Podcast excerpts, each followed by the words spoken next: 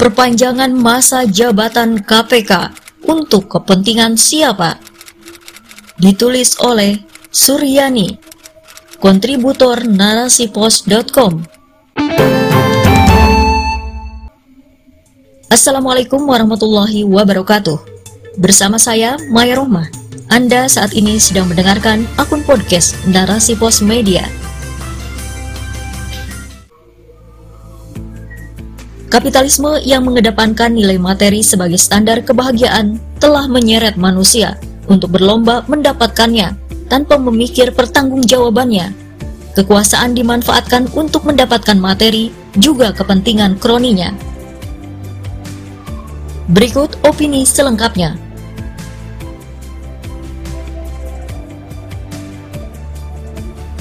Akhirnya gugatan Wakil Ketua KPK Nurul Gufron tentang perpanjangan masa jabatan pimpinannya dari 4 menjadi 5 tahun dikabulkan Mahkamah Konstitusi atau MK. Keputusan itu dibuat karena MK menilai jabatan pimpinan KPK selama 4 tahun bersifat diskriminatif dan dipandang tidak adil bila dibanding dengan komisi dan lembaga independen lainnya. Putusan di atas langsung menuai kritik dari berbagai pihak, termasuk DPR dan para pakar hukum tata negara. Mereka merasakan banyak keanehan yang sangat kental dengan nuansa politik.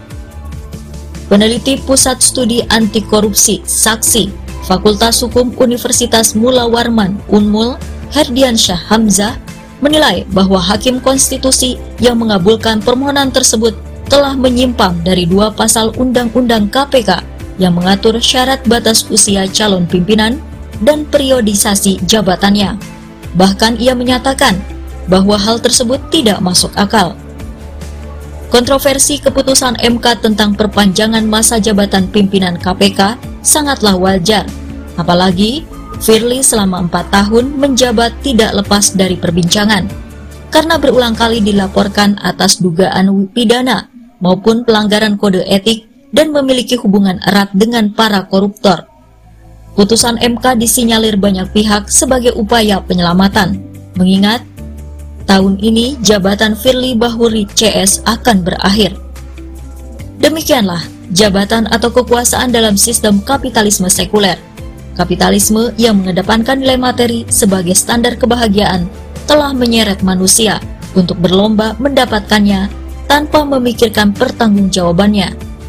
Kekuasaan dimanfaatkan untuk mendapatkan materi juga kepentingan kroninya, sehingga pembelaan bukan lagi didasarkan atas standar benar salah, tetapi atas dasar kepentingan. Selama memberikan maslahat, maka akan dibela walaupun nyata-nyata melakukan kesalahan. Standar benar salah dalam kapitalisme menjadi bias karena mengikuti kepentingan. Di samping itu, kekuasaan atau jabatan sering kali digunakan untuk menekan yang lemah atau yang dianggap lawan. Sekularisme yang memisahkan agama dari kehidupan telah menjadikan rasa takut kepada Allah dalam diri para pejabat seolah sirna, berganti dengan kesibukan untuk memperkaya diri dan mempertahankan kedudukannya, bukan menjalankan amanah yang menjadi tanggung jawabnya. Maka wajar dalam sistem kapitalisme seseorang yang mendapatkan amanah menyelesaikan korupsi, dirinya sendiri bisa korupsi, melindungi koruptor, melakukan suap menyuap, bertindak diskriminatif, tidak berlaku adil, atau hal lainnya. Berbeda dengan jabatan atau kekuasaan dalam Islam, ia digunakan sebagai sarana untuk mengurusi urusan rakyat melalui hukum-hukum syariat yang diterapkan negara. Hal itu semata untuk melayani umat dan menegakkan keadilan. Sebagaimana permintaan Rasulullah Shallallahu Alaihi Wasallam kepada Allah Subhanahu Wa Taala dalam surah Al-Isra ayat 80 yang artinya Berikanlah kepadaku dari sisi engkau kekuasaan yang menolong. Karena tidak ada kemampuan untuk menegakkan agama dan keadilan kecuali dengan adanya kekuasaan. Kekuasaan merupakan sarana untuk menerapkan hukum dan syariat Allah. Dalam Islam, kekuasaan dan agama ibarat dua sisi mata uang. Bila kekuasaan tidak dibimbing agama, maka akan digunakan untuk mendapatkan materi sebanyak-banyaknya. Sedangkan agama tanpa kekuasaan berarti hilang penjaganya, sehingga banyak syariat Allah Subhanahu wa taala yang terabaikan seperti saat ini.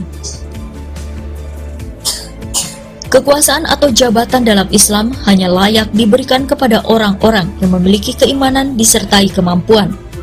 Keimanan harus ada di poin pertama sebelum kemampuan, mengingat beratnya tanggung jawab dan hisab di akhirat, sehingga kekuasaan dalam Islam tidak diperebutkan. Maka dari itu, penguasa atau pejabat yang terpilih akan benar-benar orang yang mempunyai kemampuan yang mumpuni dalam mengurus negara dan rakyatnya, mempunyai keimanan yang kokoh, serta paham betul akan tanggung jawabnya sebagai pemimpin, sehingga tidak mudah tergiur oleh hal-hal yang melanggar syariat. Terkait hal ini, Rasulullah Shallallahu Alaihi Wasallam dalam sebuah hadis pernah berkata kepada Abu Zar radhiyallahu anhu, "Sungguh engkau itu lemah. Sungguh jabatan kekuasaan itu amanah. Sungguh amanah kekuasaan itu akan menjadi kerugian dan penyesalan pada hari kiamat, kecuali yang mengambil amanah kekuasaan tersebut dengan benar dan menunaikan kewajiban di dalamnya. Hadis riwayat Muslim.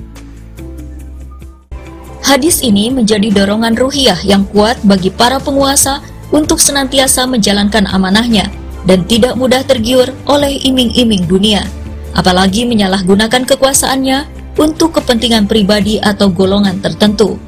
Untuk memastikan hal tersebut, negara senantiasa memastikan semua kebutuhan pokok mereka terjamin melalui gaji atau tunjangan yang diterimanya. Juga kebutuhan dasarnya berupa kesehatan, pendidikan, keamanan diperoleh secara gratis diberikan negara. Selain itu, negara senantiasa melakukan monitoring jumlah kekayaannya, agar bila mana ada kelebihan harta yang tidak wajar, segera terdeteksi dan segera ditindak. Begitu juga umat senantiasa mengawasi jalannya pemerintahan dan menjaga budaya amar ma'ruf nahi mungkar. Ini menjadi ciri khas masyarakat dalam Islam, termasuk mengoreksi para penguasanya, dan hal tersebut memang sudah menjadi kewajiban setiap muslim. Semua berjalan karena elemen masyarakat memahami politik Islam dan merealisasikannya. Hal ini hanya bisa terwujud ketika Islam diterapkan secara kafah. Maka dari itu, kewajiban kita semua untuk sama-sama memahamkan masyarakat akan politik dan makna kekuasaan dalam Islam, sehingga umat paham dan merindukan kepemimpinan yang sahih untuk dapat mengurusi negara dan rakyatnya sesuai tuntunan Allah Subhanahu wa taala dan Rasulnya. Wallahu a'lam bishawab.